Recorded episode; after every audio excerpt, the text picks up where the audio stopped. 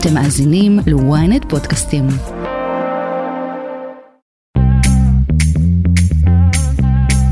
שלום לכם, אתם על כסף חדש, הפודקאסט הכלכלי היומי של ynet, יום שלישי, 19 בספטמבר, מה יש לנו עבורכם בפוד של היום. הכנסת, היא אמנם אישרה תקציב מדינה לפני כמה חודשים, אבל בלגן העברות הכספים על חשבון הקופה הציבורית הוא נמשך, כאשר היום אישרה ועדת הכספים עוד העברה של 150 מיליון שקלים למוסדות דת שונים ומשונים, בעוד שעדיין לא ברור מאיפה בכלל יגיע הכסף, כי את הכסף הזה צריך לקצץ ממקומות אחרים. מרכז האופוזיציה בוועדה, חבר הכנסת ולדימיר בליאק מיש עתיד, הוא מפנה אצבע מאשימה לא רק לפוליטיקאים שמאשרים העברות כספים, גם לפקידות הבכירה באגף התקציבים באוצר. יש פה פגם מאוד קשה בכל ההתנהלות, גם של משרד האוצר, גם של קואליציה וגם של ועדת הכספים. עוד בפוד, מחירי הנפט עולים בעולם, ואת ההשפעות אנחנו עשויים להרגיש בקרוב מאוד בכיס שלנו. יוני פנינג ממזרחי טפחות, הוא ישוחח איתנו על ההשפעות המיידיות של הזינוק במחירי הנפט בעולם, ההשפעות על המחירים פה, שאנחנו מזכירים. הבנזין עדיין מסובסד פה על ידי הממשלה בכל חודש. לסיום נדבר על הבחירות בשלטון המקומי. הן מתקרבות רק בעוד חודש וחצי. נשוחח עם שמולי גדודאי, הוא מועמד לראשות מועצה אזורית עמק יזרעאל. ננסה לברר מה הוא חושב על אה, הנחות לקרקע בעדיפות לאומית. זה אושר בשבוע שעבר אחרי עימות קשה, בין היתר בין משרד ראש הממשלה לרשות מקרקעי ישראל. נדבר עם שמולי גדודאי גם איך הוא מתכוון להחזיר צעירים צעירים לעמק יזרעאל, ולמה הוא חולם על תיירות, אבל מתנגד מאוד לשדה תעופה ברמת דוד. אני רועי כץ, עורכת את הפוד, שקד אילת, אביב ליבוביץ' הוא על הביצוע הטכני, כסף חדש, הפודקאסט הכלכלי היומי של ynet, הנה, אנחנו מתחילים.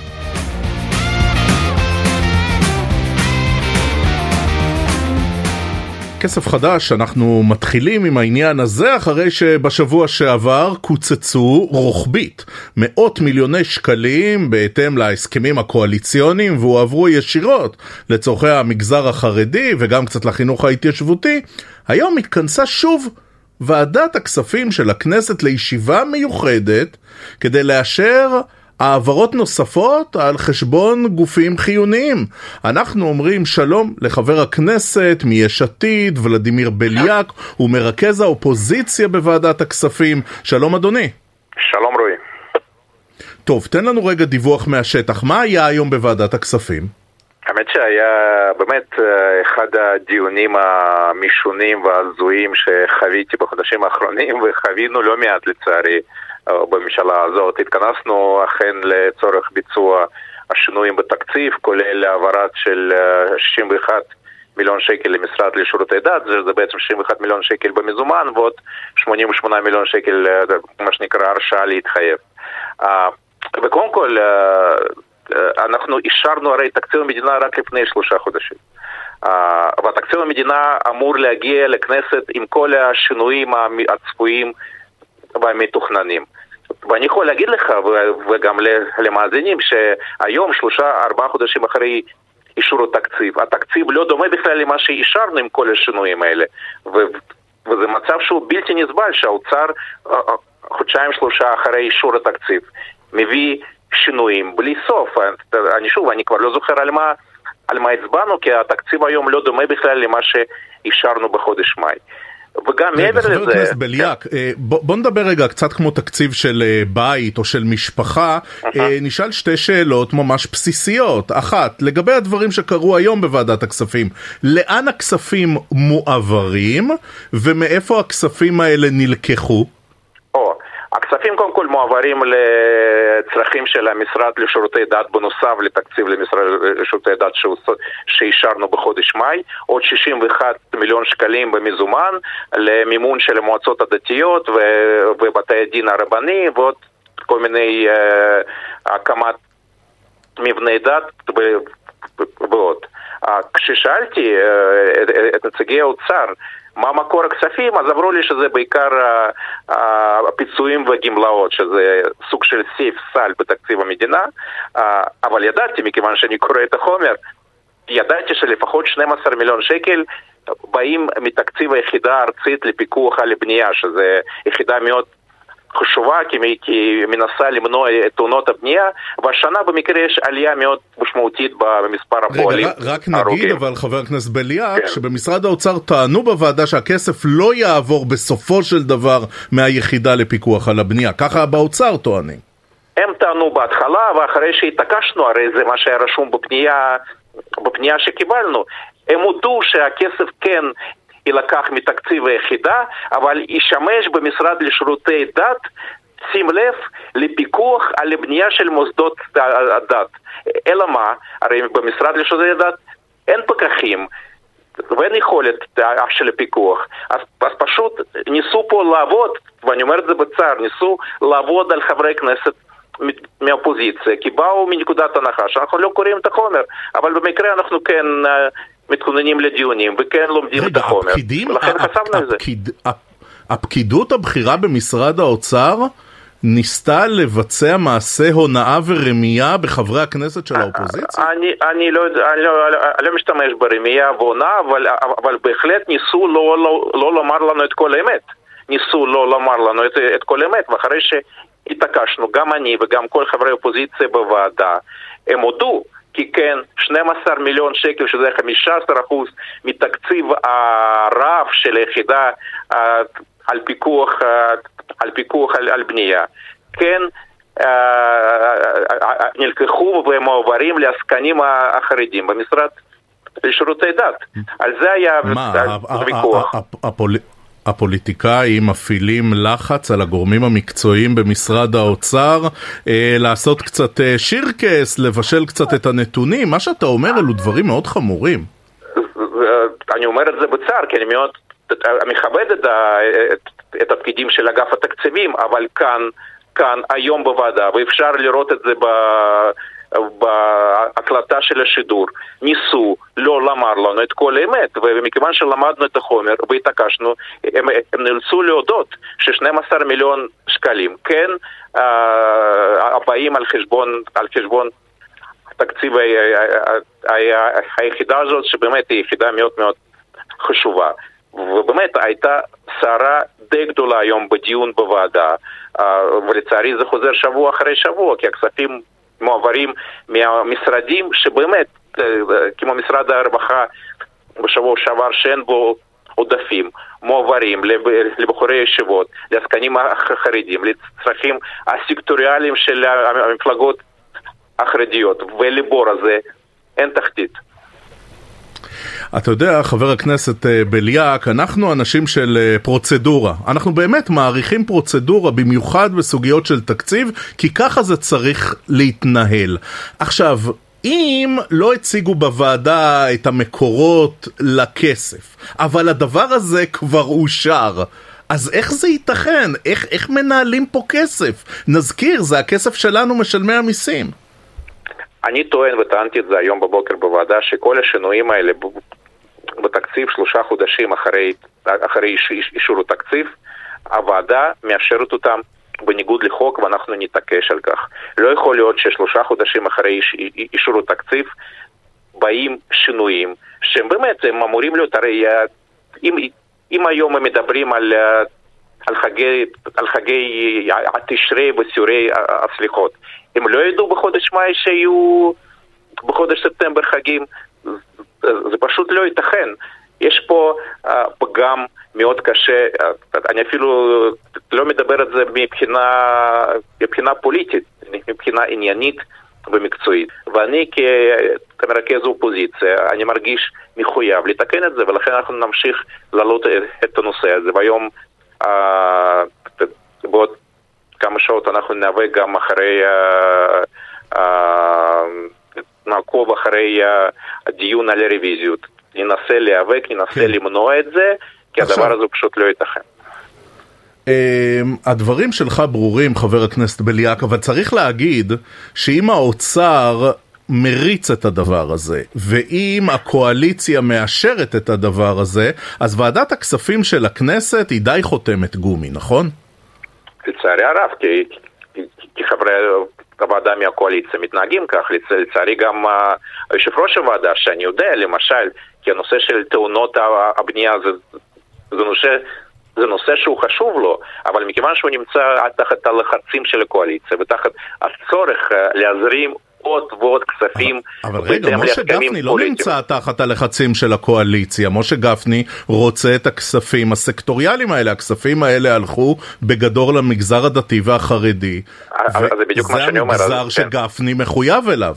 אז זה בדיוק מה שאני אומר, אבל מעבר לזה, הרי אני, אני מכיר אותו כבר לפחות שנתיים וחצי שאני בכנסת, ואני יודע שהנושא של תאונות הבנייה זה נושא, שהוא, זה נושא שהוא חשוב לו, אבל כאן הוא מוותר כדי להזרים עוד ועוד הכספים בהתאם להסכמים הפוליטיים שנחתמו עם הקמת הממשלה הזאת, ואני שוב אומר, בניגוד לחוק יסודות התקציב ובניגוד לכל הפרוצדורות המקובלות, ועל זה לדעתי המאבק שלנו בחודשים הקרובים. חבר הכנסת בליאק, למיטב הבנתך וידיעתך, זה יסתיים הדבר הזה, או שבשבוע הבא האוצר יבוא עם עוד העברות ואחרי שבועיים יעבירו עוד כספים? זאת אומרת, איפה אנחנו בתוך התהליך? אני יודע שנקבעה ישיבה גם בשבוע הבא של, ובסדר יום יש עוד השינויים בתקציב המדינה, כי ככה זה מתנהל, כי ככה זה נוח.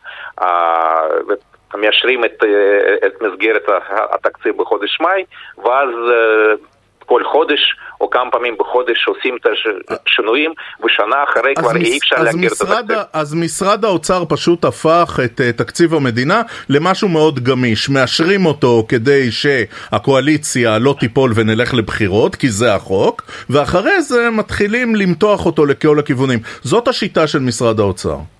לחלוטין, ואני שוב, למען ההגינות, אני אומר את זה שזה לא התחיל בממשלה הזאת, אולי בממשלה הזאת זה נעשה ביתר שאת.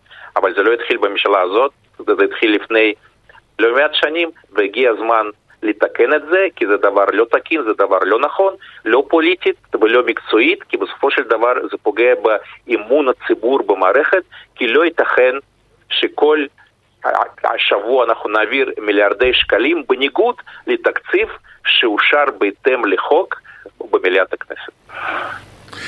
טוב, חבר הכנסת אה, ולדימיר בליאק, אני מנצל את זה שאנחנו משוחחים כדי אה, לדבר על עוד נושא אחד אה, קצר. מבקר המדינה, הוא קובע היום שגם שרים, גם חברי כנסת יצטרכו להחזיר לקופת המדינה כמעט רבע מיליון שקלים, כיוון שההוצאות שלהם בפריימריז חרגו מהגבולות הקבועים בחוק. ביש עתיד, המפלגה שלך, אתם לא כל כך יודעים מה זה פריימריז, אבל התופעה הזאת שבעצם חורגים, ואפילו שר הכלכלה ניר ברקת הוא יצטרך להחזיר 50 אלף שקלים לקופת המדינה.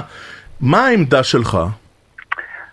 זה נכון שאין לנו פריימריס, אבל אני במקרה מכיר את הנושא היטב, כי לפני שנכנסתי לכנסת היה לי משרד רואי חשבון וליוויתי לא מעט מועמדים בפריימריס מול משרד מבקר המדינה, אז אני במקרה מתמצא היטב בנושא הזה. ואני טוען שהחוק שקיים היום הוא חוק שלא מרתיע.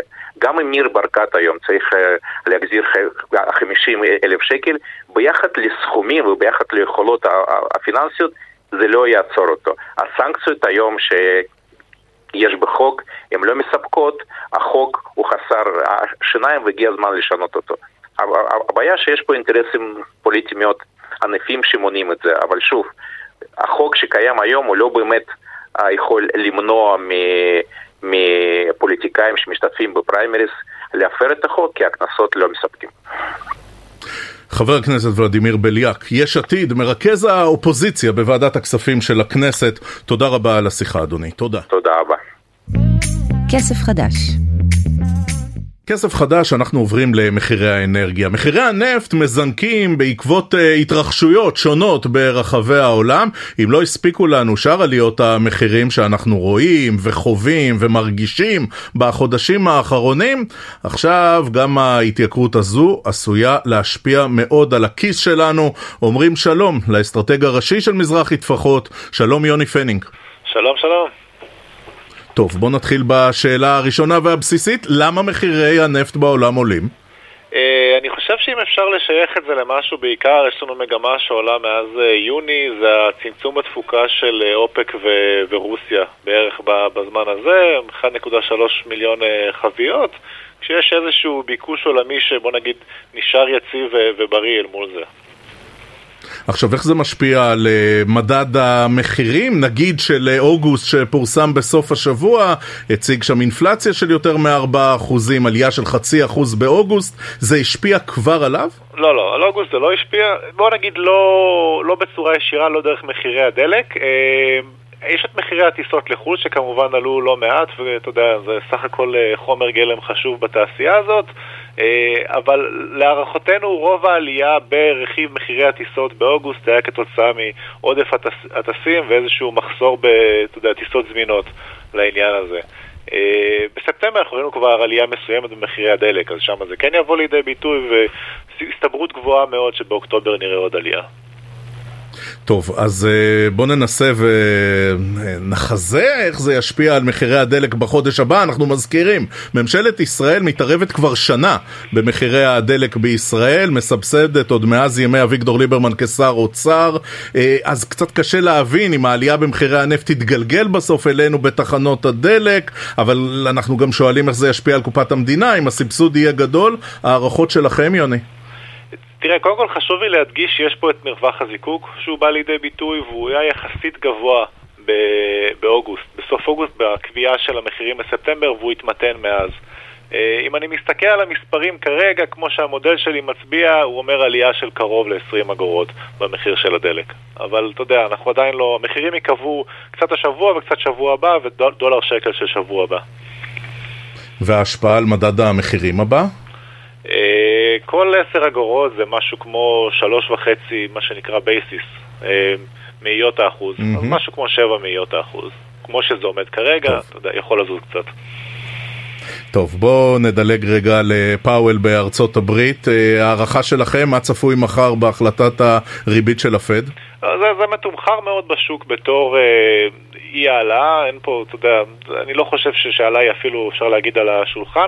יש רגישות מאוד מאוד גדולה בשוק, גם מבחינת הנפט, ואפשר להגיד כל העולם פחות או יותר, לאן הפד ימשוך. זאת אומרת, הוא קיבל, תחשוב את המכה הזאת גם כן למחירי הדלק, ושם הציבור מאוד רגיש לשאלה הזאת, ועולה השאלה, אתה יודע, עד כמה האמריקאים רוצים למשוך למעלה את התשואות, למטה את הפעילות הכלכלית, כדי בעצם לייצב את זה. עכשיו, אם אנחנו מדברים על ההחלטה מחר של הפד, אצלנו ההחלטה היא ב-23 באוקטובר, מה צפוי שם? אה, בנק ישראל היה, בוא נגיד, מאוד מתון בהתבטאויות שלו אחרי, בהחלטה הקודמת. זאת אומרת, התחושה הייתה שיידרש איזה משהו גדול יותר. מאז אנחנו ראינו אה, בשוק המקומי עלייה בציפיות להעלאת ריבית לא מעט גם בגלל הדולר שקל. ופה אתה יודע, בימים האחרונים פחות או יותר ראינו התמתנות. Uh, התמחור האחרון בשוק התקרב כבר ל-50% הסתברות להעלאה. כמו שאני רואה את המחירים כרגע, אני לא חושב שהם יצדיקו את זה. יוני, אני פותח רגע סוגריים, אנחנו רואים אה, שוק עבודה הדוק מאוד, היום מדווחים ששיעור האבטלה נשאר נמוך מאוד גם בחודש שעבר, זה צפוי להשפיע על ההחלטה של הוועדה המוניטרית של בנק ישראל? תראה, אני קצת הייתי נזהר לגבי נתון האבטלה, בין היתר אה, על רקע העונתיות, על רקע הטיסות לחו"ל, אני חושב שזה השפיע, כל הכמות הזאת של הטיסות שהיא לא הייתה סבירה בוא נגיד, לעומת השנים הקודמות, היא קצת השפיעה, אני חושב, על הנתון מנוכי העונתיות של האבטלה, יכול להיות שנראה תיקון במדד של, אה, בנתון של ספטמבר, אני לא אהיה מופתע מזה, אז אתה יודע, הייתי לוקח כמה גרגירי מלח שם. אמ, כן, זה תמיד טוב. יוני פנינג, אסטרטג ראשי, מזרחי טפחות, תודה. תודה רבה על השיחה. כסף חדש. כסף חדש בין כל האירועים הפוליטיים ברמה הארצית קצת אה, שוכחים שבעוד כחודש וחצי יתקיימו הבחירות לשלטון המקומי הקמפיינים צברו תאוצה. אנחנו רוצים מטבע הדברים לעסוק בסוגיות הכלכליות שעומדות במרכז הקמפיינים. יהיה איתנו ממש עוד רגע מועמד לראשות המועצה האזורית עמק יזרעאל כדי להבין איך הם אה, מחזירים את הצעירים לקנות אה, דירות, בתים, בצפון בכלל, בעמק בפרט, כשהמחירים כל הזמן מטפסים לטווח הבלתי אפשרי. אנחנו אומרים שלום למתמודד לראשות בראשות המועצה האזורית עמק יזרעאל, מנכ"ל החברה הכלכלית של משגב, מנהל פיתוח עסקי של המועצה במשגב. שלום, שמוליק דודאי. שלום רב. בשבוע שעבר אושרו סוף סוף ההנחות על קרקעות של אזורים בעדיפות לאומית. אתה היית חלק מהקידום של הדברים האלה מתוקף התפקיד שלך כמנכ"ל החברה הכלכלית של משגב. בוא נדבר רגע על קרקעות בעמק יזרעאל. אתם לא כלולים ברשימת האזורים בעדיפות לאומית, ועד כמה ההחלטה הזאת היא באמת קריטית, היא באמת חשובה. לא, לא, אז בואו בוא, בוא נבהיר. גם בעמק יזרעאל יש אזורים שכלולים, יש יישובים שכלולים באזור עדיפות אה, ב', ולכן גם אה, חלק מהיישובים בעמק יזרעאל אה, כלולים בתוך הסיפור הזה. ו... אבל יותר חשוב, צריך להבין את המשמעות. מה שקורה לנו באזור הצפון בכלל, וגם בעמק יזרעאל, זה מחירי קרקעות שטיפסו לגבים מטורפים, ומובילים לכך שיש לנו אה, קושי אמיתי להביא משפחות צעירות, להחזיר אותן לצפון, להחזיר אותן לעמק, שיבואו לגור. אה, רק אה, בואו נדבר רגע על נתונים, אז לפני עשר שנים, אם אני לוקח עשר שנים אחורה, בעמק יזרעאל היו נולדים מדי שנה 850 תינוקות. מדינת ישראל נמצאת בגידול של 2% לשנה בערך, עשר שנים מאז, היינו אמורים להיות היום בסדר גודל של כאלף תינוקות בשנה. בשנה האחרונה נולדו בעמק יזרעאל 650 תינוקות בלבד. כלומר, אנחנו בירידה מוכחת, מובחנת, מאוד מאוד לא פשוטה של כמות הילודה, וזה נובע פשוט בעיקר בעיקר מהתייקרות גדולה במחירי הקרקעות. ומה... אבל התייקרות במחירי, התייקרות במחירי הקרקעות זו לא בעיה ייחודית, לא לפריפריה הצפונית, גם לא לפריפריה הדרומית, זה, זה קורה בכל הארץ, וגם סוגיות לא, ילודה, אני מתאר לעצמם, קשורות לעוד נושאים חוץ מאשר רק מחירי קרקעות. לא, ת, תראה, ת, תמיד הדברים הרי יותר מורכבים, אבל בואו בוא נחדד רגע את הדברים. מחירי הקרקעות בעמק יזרעאל עלו ב-15 שנים האחרונות כמעט פי ארבע, לעומת מחירי הקרקעות בישראל שעלו כמעט פי שתיים.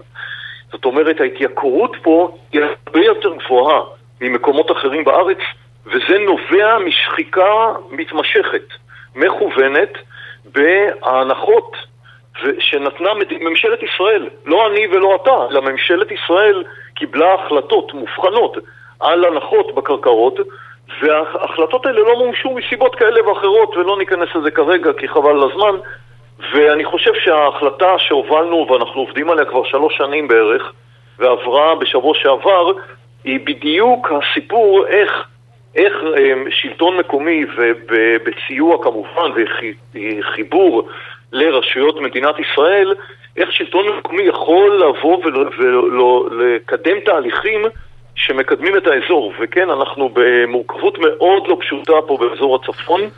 ותן לנו רגע את, את עמדת, תן לנו רגע את עמדת המומחה שלך. בסוף, מה זה היה? זה היה יוסי שלי, מנכ"ל משרד ראש הממשלה, עומד על הרגליים האחוריות וממש מכריח את uh, רשות מקרקעי ישראל לבצע את זה?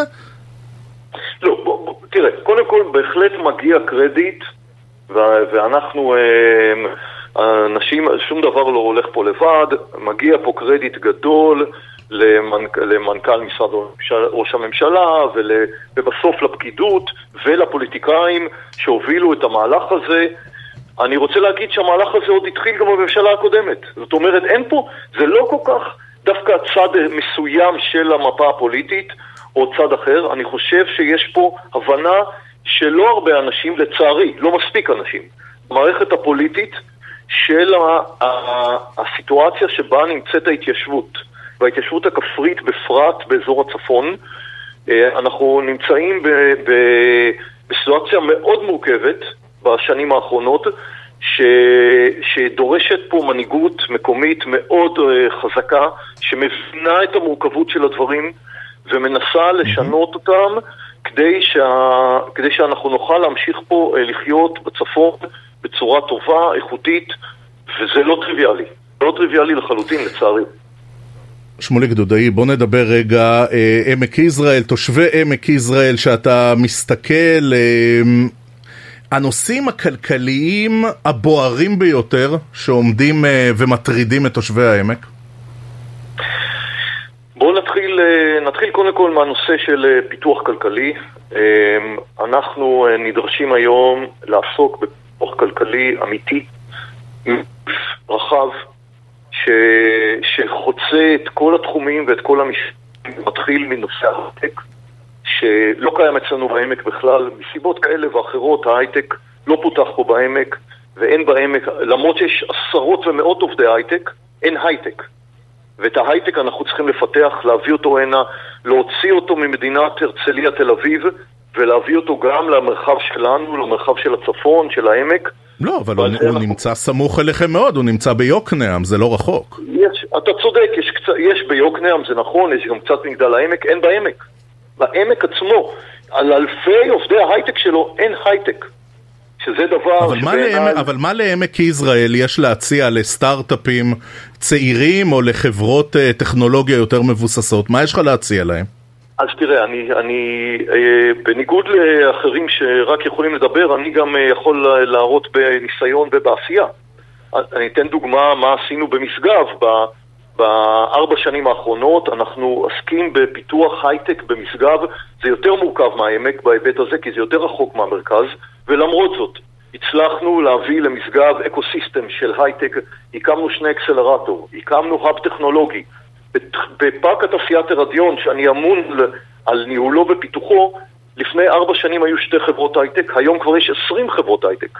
עכשיו, זה, זה תהליך, זה תהליך מתמשך של עבודה קשה, של הרבה השקעה, אבל אם בעזרת המנטורים והאוכלוסייה המקומית ובעזרת כלים אחרים אפשר וצריך, ולדעתי זאת לא שאלה, זה חייבים, לפתח את התחום של הייטק גם בעמק יזרעאל. אבל זה נקודה אחת, בואו נמשיך הלאה. תיירות. נושא התיירות בעמק בעיניי הוא, הוא דבר הכרחי.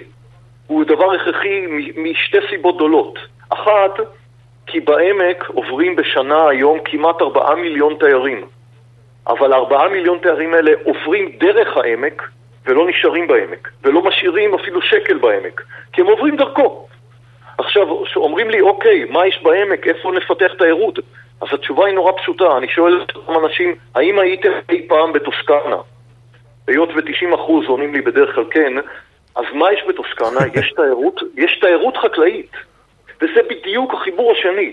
כי החקלאות שלנו... אבל אתה יודע, שמול, שמוליק דודאי, אם אנחנו מדברים רגע על תיירות, אתה העלית את הנקודה הזאת, אחרי החגים הממשלה אמורה להמשיך לדון בשדה התעופה החלופי, אתה מתנגד לשדה תעופה ברמת דוד. וזה, על, אתה יודע, התנגדות על אף אה, ועדות שהמליצו שהוא יהיה שם, וזה לא יביא רק תעסוקה לעמק, זה יביא תיירות לעמק. אז בואו נדבר על. לסיים את הסיפור של תיירות חקלאית, כי החקלאות שלנו בעמק שהיא בעיניי נשמת אפו של העמק, החקלאות. החקלאות שלנו זקוקה למנועי צמיחה נוספים על החקלאות, והדבר הקלאסי והכי מתאים לעניין הזה זה בדיוק השילוב של תיירות וחקלאות. ועכשיו בואו נדבר על שדה התעופה. הרמת לי להנחתה מה שנקרא. נכון, שדה תעופה הוא מנוע צמיחה כלכלי, אבל הוא גם מנוע נזק איכותי, סביבתי וכלכלי. ואם בוחנים את שדה התעופה על כל המרכיבים שלו, ולא ניכנס כרגע לעניין, כי רק על זה אפשר לדבר חצי שעה, אז בסופו של יום שדה התעופה מביא יותר נזק מתועלת לעמק, ולכן אנחנו חושבים, ואנחנו גם נוביל לזה, שהפתרון הנכון הוא שדה גדול וטוב, וטוב וראוי למדינת ישראל. רק במקום אחר, ש, שזה יהיה במקום רגע, אחר. רגע, רגע, רגע, רגע. זה שדה נכון שדה מקומי משלים בחיפה. זה הפתרון הנכון. זה הפתרון הנכון למדינת ישראל, לא קשור לעמק, למדינת ישראל. לתושבי מדינת ישראל, זו ההחלטה הנכונה. חושבים ככה החברים שלנו בנגב, חושבים ככה החברים שלנו בעוטף נתב"ג, גם חושבים ככה רוב, רוב תושבי הצפון, ואנחנו, ועל זה אנחנו נוכיח את זה לחברה הישראלית, לא לעמק, לחברה כן. הישראלית. שמוליק דודאי, זמננו קצר ואנחנו צריכים לסיים. אה, מתמודד לראשות המועצה האזורית עמק יזרעאל, מנכ"ל החברה הכלכלית אה, משגב, מנהל פיתוח עסקי של המועצה במשגב, שמוליק דודאי, תודה, תודה רבה על הדברים. כל טוב, יום טוב. אנחנו מסכמים את כסף חדש להיום. מזכירים לכם, אתם מוזמנים לעקוב אחרינו תמיד תמיד בדף הבית של ynet. אנחנו תמיד שם, אבל אנחנו גם בכל אפליקציות הפודקאסטים המובילות. ספוטיפיי, אנחנו שם. אפל, שם. גוגל פודקאסט, ברור. אתם פשוט כותבים כסף חדש בשורת החיפוש. תלחצו גם עוקב, ככה תקבלו התראה על כל תוכנית חדשה שעולה. נגיד תודה רבה לשקד אילת שערכה את הפוד, אביב ליבוביץ' הוא היה על הביצוע הטכני, אני רועי כץ, מחר יהיה איתכם מאחורי המיקרופון דן רבן, עם עוד חדשות כלכליות מעניינות, ועד אז שיהיה לכם המון המון כסף חדש.